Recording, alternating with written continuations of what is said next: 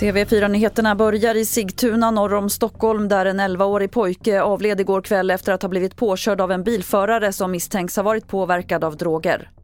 Enligt uppgifter till TV4 Nyheterna är den misstänkte en känd gängkriminell man i 25-årsåldern med en tongivande roll i det så kallade Märsta-nätverket.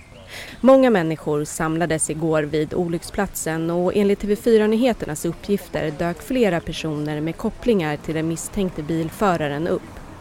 Situationen ska ha blivit så stökig att polisen behövde använda pepparspray samtidigt som det livräddande arbetet på pojken pågick. Reporter här var Evelina Hertz. Så ska vi till Hässleholm där en bil exploderade i natt. Explosionen ska ha varit kraftig men ingen ska ha skadats. Polisen tror att det är något som har placerats under bilen men de säger att det är tidigt i utredningen än och de kan inte säga något om vem som äger bilen eller exakt vad det är som har hänt. Vi avslutar i Kanada där hundratals skogsbränder rasar okontrollerat och läget beskrivs som den värsta inledningen på säsongen för skogsbränder någonsin.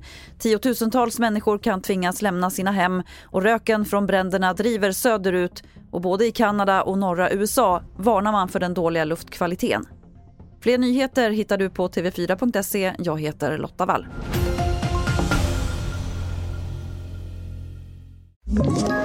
Ett poddtips från Podplay.